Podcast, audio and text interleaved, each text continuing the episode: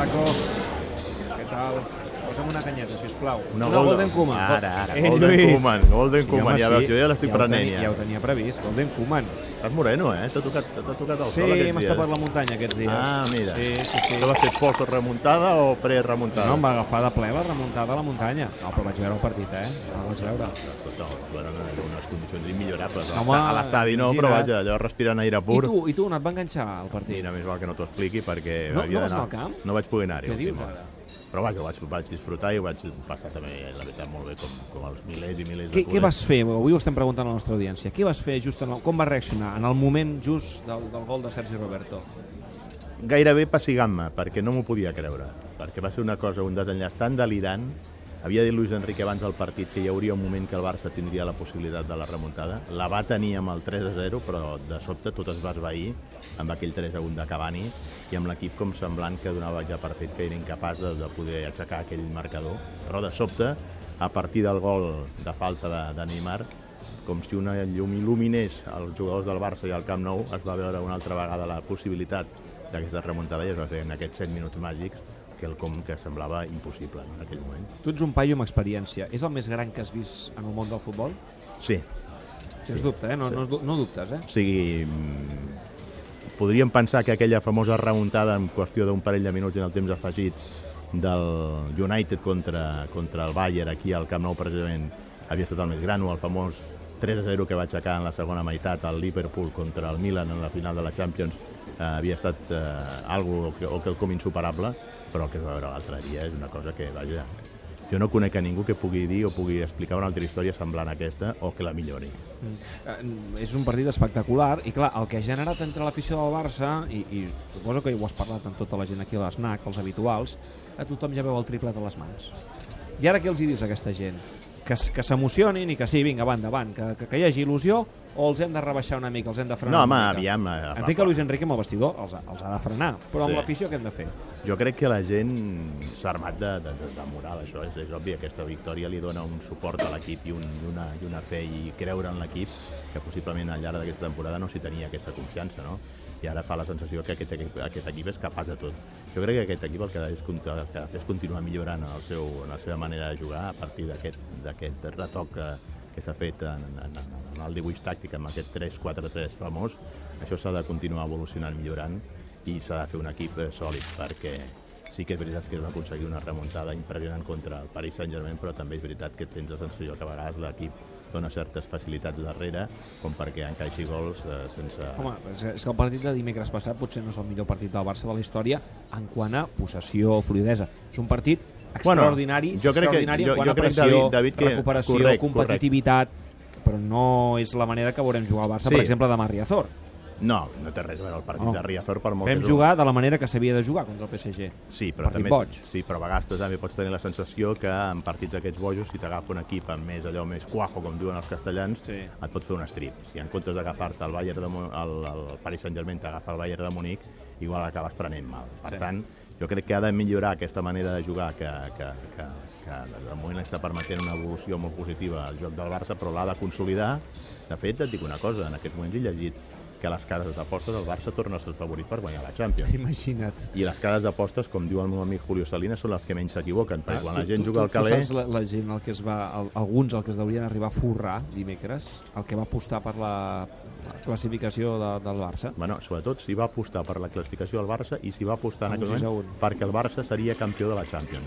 Sembla que es pagava 500 i pico euros. Imagina't. O sigui que si en aquell moment tu vas fer l'aposta de que el Barça passava a l'eliminatòria i a més era campió de, de la Champions i s'acaba proclamant campió, els que ho han fet han riu tant dels que van apostar per la Leicester en el seu moment. Però en aquests moments, ara la que aposta que menys cotitza és la del Barça ser campió d'Europa. Per tant, vol dir que aquest resultat ha impactat i, i moltíssim fins al punt de que, de que els que s'hi juguen als calés veuen el Barça el màxim favorit per, per guanyar aquesta Tu- Champions. tu que ets el Ara, de nostre- totes maneres, t'anava a dir una cosa, eh? Tal com va la temporada, més enllà de triplets o no triplets, que és molt difícil d'aconseguir-ho, ja firmo amb, amb, amb enganxar la Champions i que Luis Enrique se'n vagi amb una altra orelluda sota els braços. Sí, tu abans firmes la Champions que la Lliga? Sí, home, i tant. Sí? Sí, home, això... Això és indiscutible. El ressò que avui en dia té la Champions i la magnitud que mundial que, que li i aquesta clar, i que a més a més, després d'aquesta eliminatòria, ostres, que no guanyin la Champions és, seria no, no posar la cirereta al pastís d'un- d'un- d'una eliminatòria extraordinària. Sí, però queda molt de camí encara, eh? Queden cinc finals, sobretot que en aquest pròxim sorteig sigui un pèl benèvol i que el Bé, benèvol ja no pot ser-ho gaire. Bueno, però, el que queda, però, però molta gent el que sobretot el demana... Madrid, sobretot el que, Bayern, saps el que demana molta Borussia. gent? Que no toqui cap equip de la Lliga Espanyola, Mm. perquè això et desgasta moltíssim. El Barça jo crec que durant el mes de gener i mig febrer es va desgastar moltíssim amb la Copa, eh?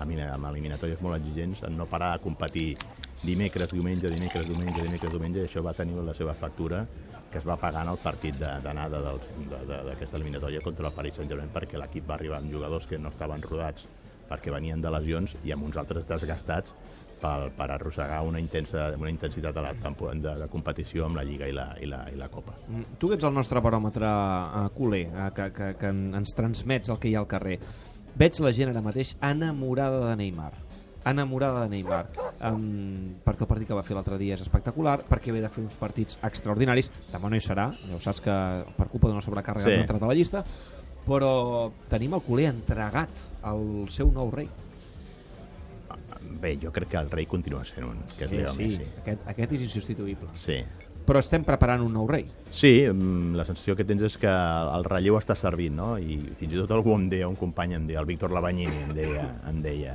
ara qui parla del contracte de Neymar? Ara ja no se'n parla del contracte de Neymar, No. no. vull dir, escolta'm, està més que amortitzat aquest, aquest contracte. Però també et he de dir una cosa, el rei o el príncep o el- o l'hereu s'està beneficiant molt d'aquest marcatge tan rigorós que sotmeten les defenses contràries a Leo Messi. L'altre dia és que el marcaven tres jugadors i fins i tot quatre quan Messi agafava la pilota per intentar-li barrar el pas i evitar aquests però eslaloms. Neymar es va tirar l'equip a les esquenes Sí, no, no, no, i, però i en els però- moments decisius va ser Sí, el que va servir sí, pilotes el sí, que... sí, però ahir em vaig tornar a veure el partit, que no havia tingut l'oportunitat de fer-ho, i tot i que Messi no va tenir una, una participació directa en les jugades dels gols i que amb això va tenir més incidència eh, Neymar, eh, Messi, déu nhi quan tocava la pilota, el criteri i la, i la claretat d'idees que li donava el joc del Barça. I Neymar, que no es veia sotmès a marcatges de tres jugadors, sinó que s'encaraven l'1 contra 1 amb el seu defensor perquè no li podien fer cobertures, perquè si no es deixaven descobert a Leo Messi, Neymar va aprofitar aquest avantatge. I és veritat que va, també vam tenir la sensació que el, que, el, que el jugador que va creure més en la remuntada fins a l'últim moment va ser Neymar. I això és indiscutible i li va donar aquest, aquest plus en els últims minuts al Barça que semblava que ell ja no tenia. Eh, Jo tinc també, amb, amb, amb molts culers, eh, estem rebent un munt de, de, de correus, de missatges, eh, demanant la samarreta de Sergi Roberto, que sortegem aquest cap de setmana al Tot Gira, eh, simplement explicant allò, les seves vivències. ahir un amic meu ja em va dir que la seva filla li havia demanat que volia la samarreta no, escolta, Sergio Roberto. que la botiga del Barça avui gairebé no en queden de samarretes del Sergi Roberto, s'estan esgotant. Bueno, com, Una nova que, com que es van estampant una darrere l'altra, doncs no, no, a esgotar-se no, a esgotar bé, no és a dir, que, que tothom demana la de Sergi Roberto, que és, és una bogeria, és espectacular. Bueno, és un cas molt curiós el de Sergi Roberto, perquè a més és un xaval que jo conec bastant i que, i que no ho ha tingut gens fàcil.